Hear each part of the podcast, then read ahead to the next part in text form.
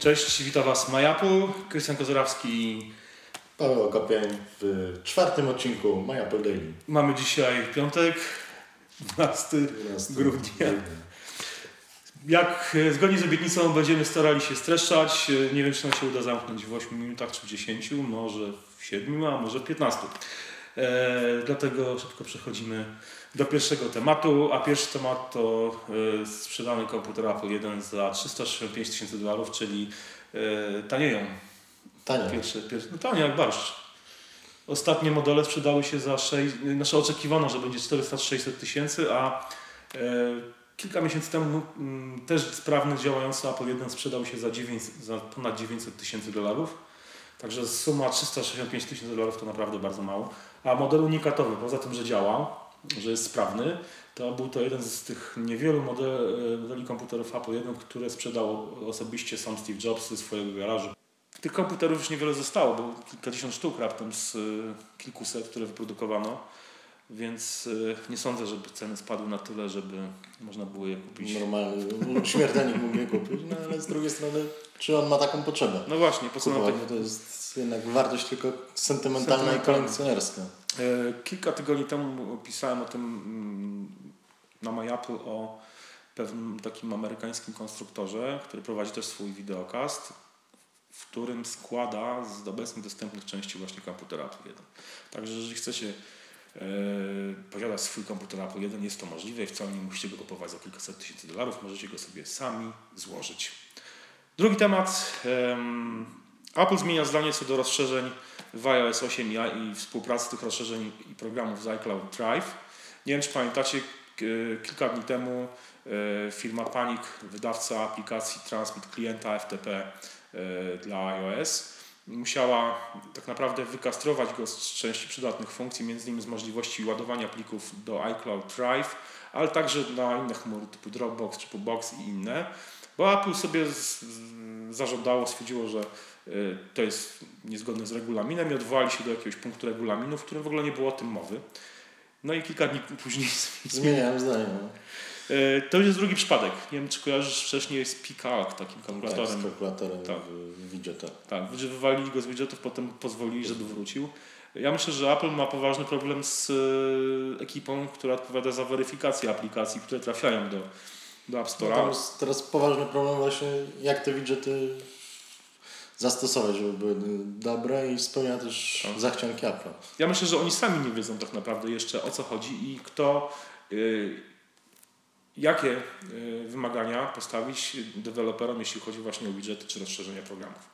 I myślę, że jeszcze nieraz spotkamy się z sytuacją, w której mm, jakiś program jest albo kastrowany z funkcji, albo usuwany zupełnie z App Store'a i potem wraca i te funkcje wracają, bo Apple zmieni zdanie. No niestety trzeba się na to, wydaje mi się, przygotować jeszcze przez jakiś czas. E, Kolejny temat. e, Protest e, robotników kontraktowych na kampusie Apple w Cupertino. E, To jest dość ciekawy temat, bo chodzi o mm, wszelkich pracowników, którzy nie są zatrudnieni w Apple. Jak pewnie wiecie, w wielu korporacjach pracują osoby, które oficjalnie nie są przez te korporacje. freelancerami po prostu. i- Albo, albo zatrudnionymi przez inne firmy i mają przede wszystkim, nie mają takiego samego socjalu jak, te, jak osoby zatrudnione w danej firmie i często zarabiają o wiele mniej. I tak jest w przypadku ochroniarzy, którzy pracują między innymi na kampusie Apple w Cupertino. E, Są to pracownicy kontraktowi i oni zarabiają, e, zdaniem związków zawodowych Centrali Związkowej na Kalifornii, zarabiają zdecydowanie za mało, a zarabiają 19, prawie 20 dolarów na godzinę, co i tak jest więcej niż... Średnio więcej, dwa razy więcej, tak? No, niż W minimalnie. Kalifornii jest 9 dolarów. Tak, tak, dokładnie. Także zarabiają o wiele więcej. Warto jednak pamiętać o tym, że w Kalifornii, zwłaszcza w Dolinie Krzemowej, w San Francisco i w San Jose, ceny w- utrzymania, przede wszystkim wynajmu mieszkań są horrendalne, co powoduje mm, też, czego skutkiem jest ogromne, jak na e, Stany, mm, ogromna skala mm, bezdomności w, w, w tym rejonie, czyli w, w rejonie właśnie Dolin, e, Doliny Krzemowej. E, Bezdomnych jest około 20 tysięcy osób, to jest naprawdę ogromna ilość i często są to też byli pracownicy właśnie kontraktowi tych dużych koncernów. Niedawno Business Insider przedstawił świetny artykuł na ten temat. E, mm, opowiadający o autobusie linii 22, który kursuje w Dolinie Krzemowej, który jest nazywany Hotelem 22, bo to jest nocny autobus, w którym bezdomni, często byli pracownicy tych koncertów, po prostu śpią. E, ja osobiście Ty widziałem... byłeś w San tak, Francisco, więc tak. wiesz jak to wygląda. Znaczy, y, ja widziałem bezdomnych, widzieliśmy bezdomnych w San Francisco, tylko że to byli generalnie narkomani, którzy kupują jedną dzielnicę tego miasta, Tenderloin, a no, trudno jest mimo wszystko rozróżnić tych bezdomnych, w San Francisco przynajmniej, i pytać ich, czy to, są, czy to jest bezdomność spowodowana, y, nie wiem, uzależnieniem od narkotyków, czy tak naprawdę niemożnością utrzymania się w tym rejonie. Podobno w San Jose, czyli mieście na południu od San Francisco, znajduje się obóz, takie obozowisko, które pełne jest teraz w Stanach, gdzie po prostu ludzie klecą sobie z czego się da, domostwa, jakieś szałasy, namioty i tam mieszkają. Ja widziałem taki obóz mm, w drodze, z, w połowie drogi pomiędzy Bostonem i Nowym Jorkiem, w lasach gdzieś chyba w, w stanie Connecticut e, przy autostradzie i no, tylko mignął mi, ale no, mogłem się przyjrzeć przez chwilę. No, wygląda to e, może nie, dość nie, nie, nie wygląda to jakoś tragicznie, w sensie nie ma tam brudu, bo to nie są ludzie, to nie są ludzie często z marginesu, to są ludzie, którzy po prostu w jakimś stopniu e, warunki życia w Stanach Zjednoczonych e, no nie są z nimi kompatybilni. Życie mm, może mieli po prostu pecha w ten sposób. E, przechodzimy do kolejnego tematu. Tu już sławni i bogaci. Tak. Znowu nawiązujesz do seriali. Tim Cook został człowiekiem roku magazynu Financial Times. Jest y, po raz kolejny, tak? Y, Prezes Apple'a Tak, uhonorowany tym tytułem. tak. W 2010 był to Steve Jobs, teraz jest Tim Cook. Mhm. No i znów tutaj jest uzasadnienie, że Tim Cook został wybrany ze względu na to, że udało mu się opanować tą schedę po Steve Jobsie. Otacza się ludźmi odpowiedzialnymi, zna słabości firmy, więc zatrudnia osoby, które mogą mu w tym pomóc. A też jednak przyszło y, to, że jest otwarty na inną orientację seksualną, tak? Tak, I- coming out. Jest, je- jego coming out jest też ca, cała firma otwarta na ym, niedyskry- dyskryminację na tle rasowym i płciowym. Mhm.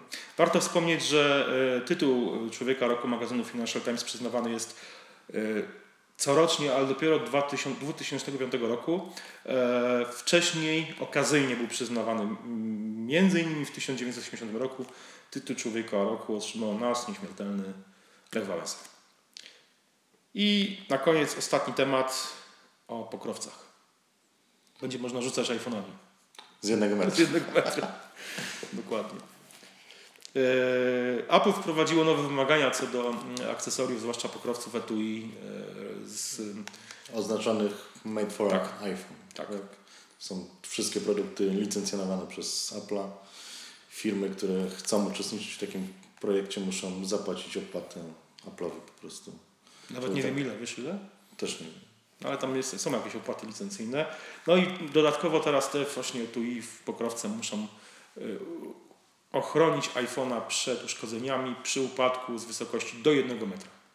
No, wydaje mi się to rozsądne. Tak, zdecydowanie. Zwłaszcza patrząc na twój pokrowiec do iPhone'a 6 od Apple'a, tak? który po, po miesiącu już praktycznie Tak. jest nie do, nie Jest, do jest, już, roz, jest już rozwalony dość mocno i to jakby dobrze o Apple nie świadczy. Ja bym szczerze mówiąc te wymagania zwiększył do dwóch metrów. Wtedy miałbym pewność, no, że... tak. No. Jeden metr to praktycznie nie jest jeszcze wysokość kieszeni Tak, dokładnie. Także jakby to zwiększyli no przynajmniej do półtora metra byłoby zdecydowanie lepiej. Nie jeszcze lepiej, gdyby z tego jednego metra rzeczywiście sam iPhone był odporny przynajmniej, żeby Tak. szyba się nie rozbiła. Zdecydowanie. A tutaj różnie z tym niestety bywa. To tyle. Dziękujemy. Do następnego razu. Do poniedziałku. Dzięki.